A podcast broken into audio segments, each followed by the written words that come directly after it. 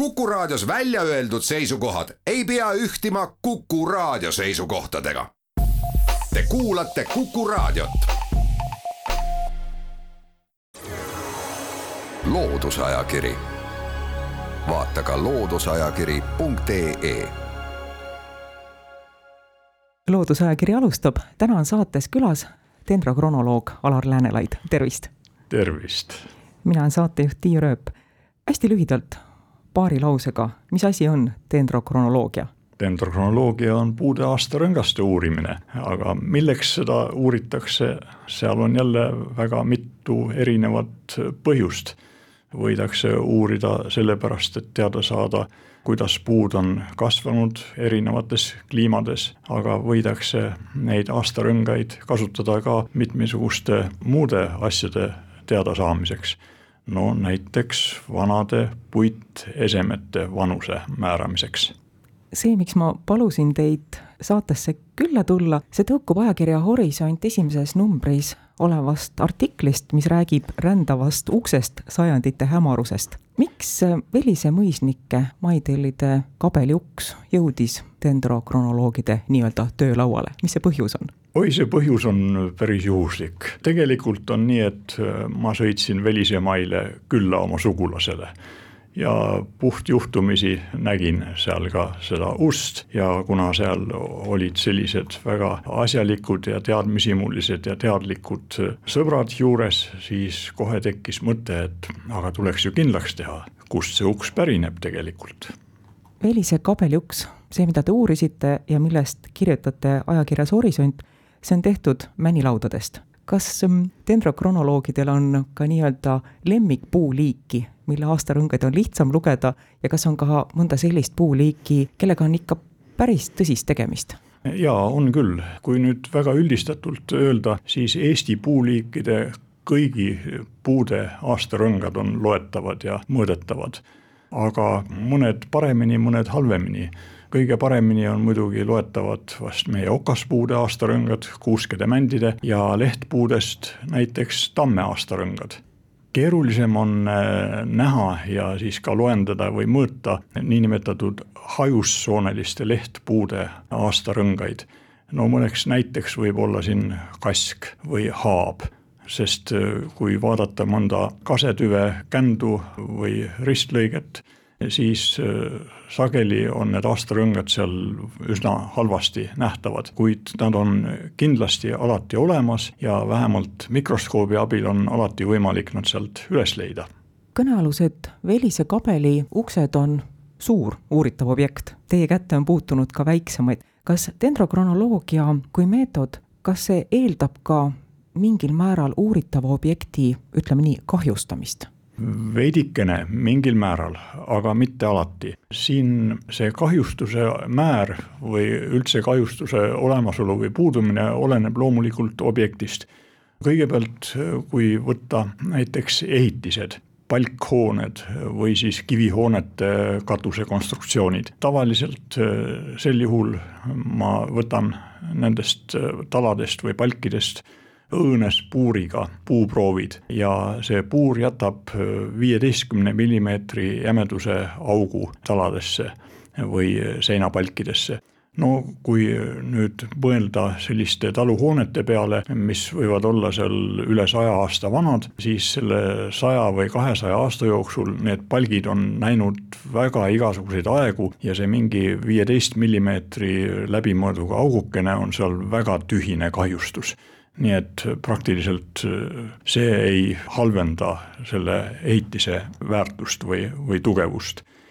teine kategooria võiks olla just sellised äh, väiksemad objektid, näiteks uksed või maalitahvlid või skulptuurid, mille puhul on aastarõngaste mõõtmiseks vaja siluda selle objekti ristlõike pinnal mingi joon et äh, seal oleksid aastarõngad kõik näha ja saab sealt ära mõõta.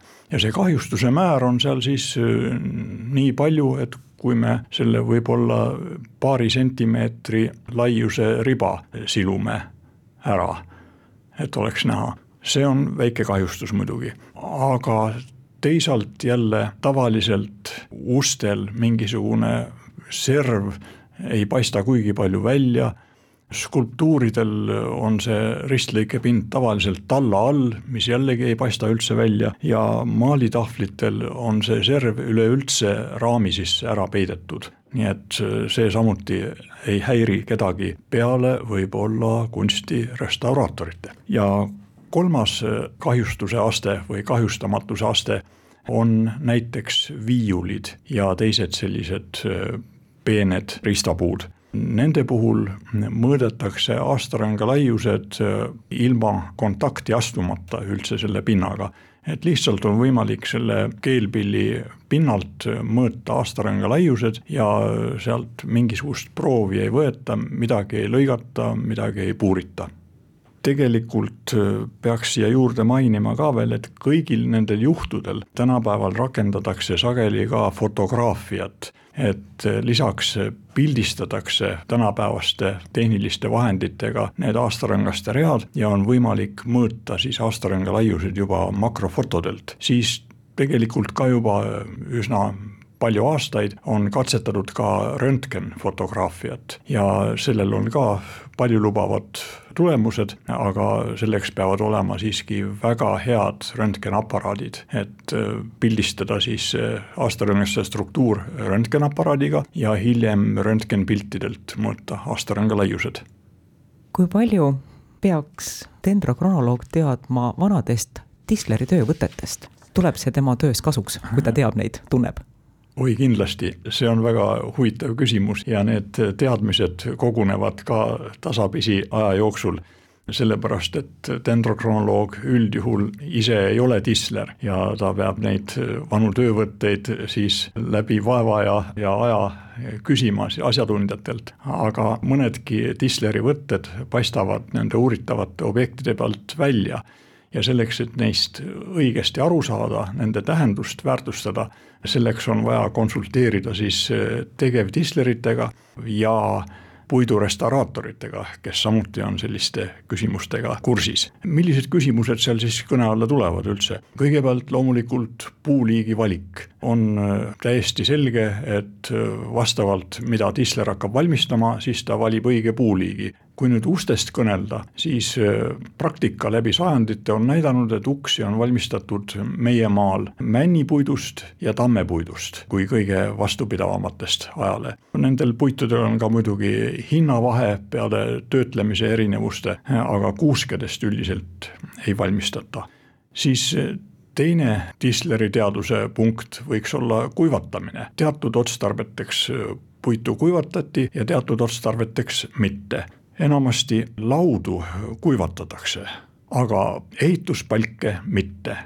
siis skulptuurideks vajaminevat puitu tavaliselt ei kuivatatud vaid nikerdati toorest puidust. samal ajal, kui need skulptuurid läksid näiteks äh, mõne esindusliku altari valmistamiseks, siis altari laudadest tehtud osad olid tehtud jällegi kuivatatud puidust. ja muidugi võib arvata siis, mis tähendus on nendel asjaoludel dendrokronoloogi jaoks. sellest räägime juba pärast väikest pausi. loodusajakiri vaata ka looduseajakiri.ee. loodusajakiri jätkub, saates on külas dendrokronoloog Alar Läänelaid, saatejuht on Tiia Rööp. enne pausile minekut rääkisite vanadest Tisleri võtetest. kuidas mõjutab dendrokronoloogilist dateerimist see, kas vanaja meister kasutas toorest või siis kuiva puitu? kui kasutati toorest puitu, siis see tähendab, et need puud raiuti metsas ja nii kiiresti kui võimalik toimetati siis puidunikerdaja töökotta kui aga oli vaja valmistada laudu, siis need peale puude langetamist, need lauad veel mõne aasta seisid, et nad oleksid piisavalt kuivad. siis veel üks oluline punkt töötluse juures on, et kas kirves või saag Eestis tuli saag laiemalt kasutusele alles üheksateistkümnenda sajandi teises pooles.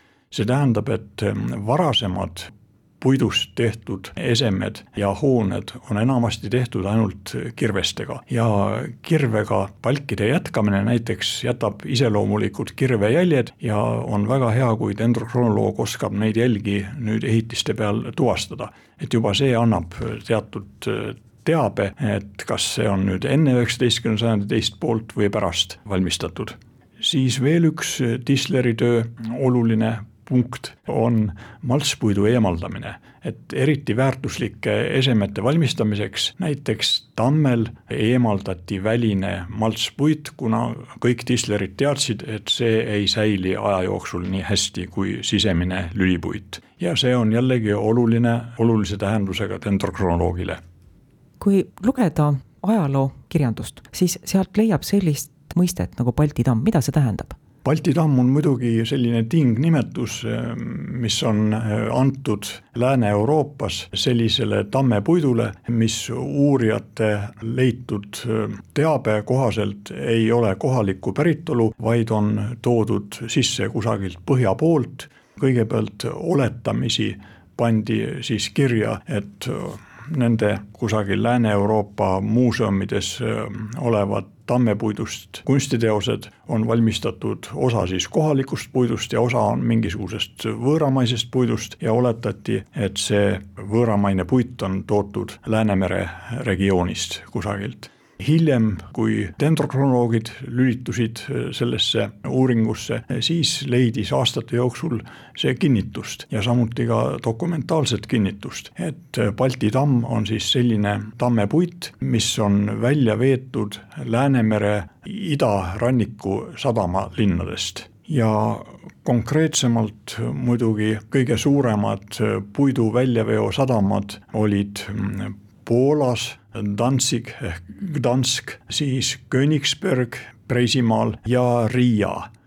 Tallinn ja Narva juba palju vähemal määral, et põhiliselt need kolm esimesena nimetatud ja kui nüüd täpsustada, et kust see Balti tamm tegelikult ikkagi siis pärineb, siis on nüüd leitud ja üsna loogiline, et nendesse Läänemere idaranniku sadamalinnadesse on see puit saabunud mööda jõgesid palgiparvetusega, aga jõed on suured, pikad ja on leidnud ka tõestamist, et suur osa sellest niinimetatud Balti tammest pärineb Läänemere-äärsetest maadest veel idapoolsematelt aladelt, näiteks tänapäeva Valgevenest. miks oli Balti tamm kõrgelt hinnatud?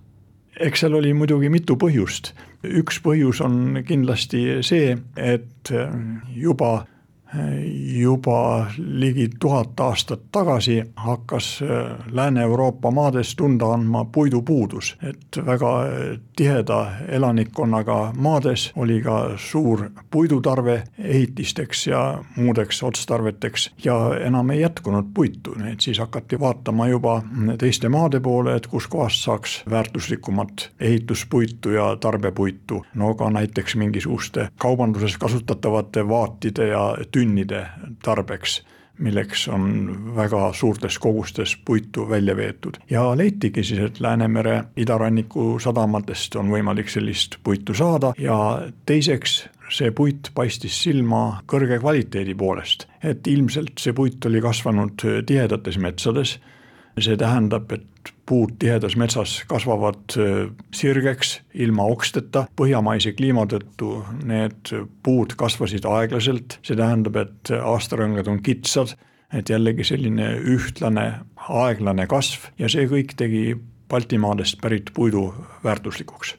millest sõltub aastarõnga laius, puuliigist, puu vanusest, millest veel? see sõltub päris mitmest asjast, tõepoolest, nagu te ütlesite, et puuliigist muidugi, puu vanusest, aga üks kõige olulisemaid asju, mida nüüd dendrokronoloogid kasutavadki äh, puidu dateerimisel, on see, et äh, aastarõngaste laius oleneb ilmastikust. Sellest äh, ilmastikust, mis on valitsenud vastavatel kasvuaastatel. Ja kõige lihtsam on muidugi öelda, et kui on halvad ilmad või üldse, et halbade ilmadega suvi, siis puud kasvavad aeglasemalt ja tekib kitsas aastarõngas kui on hea kasvuaasta, see tähendab suvi põhiliselt, siis tekivad laiad aastarõngad ja nii tekibki siis iseloomulik aastarõngaste laiuse muster, mis eh, ideaalselt peaks olema unikaalne mingisugusele ajaperioodile. oleme rääkinud dendrokronoloogiast laiemalt ning rändavast uksest sajandite hämarusest. Velise mõisa kunagiste omanike von Maitellide matusekabeli uksest.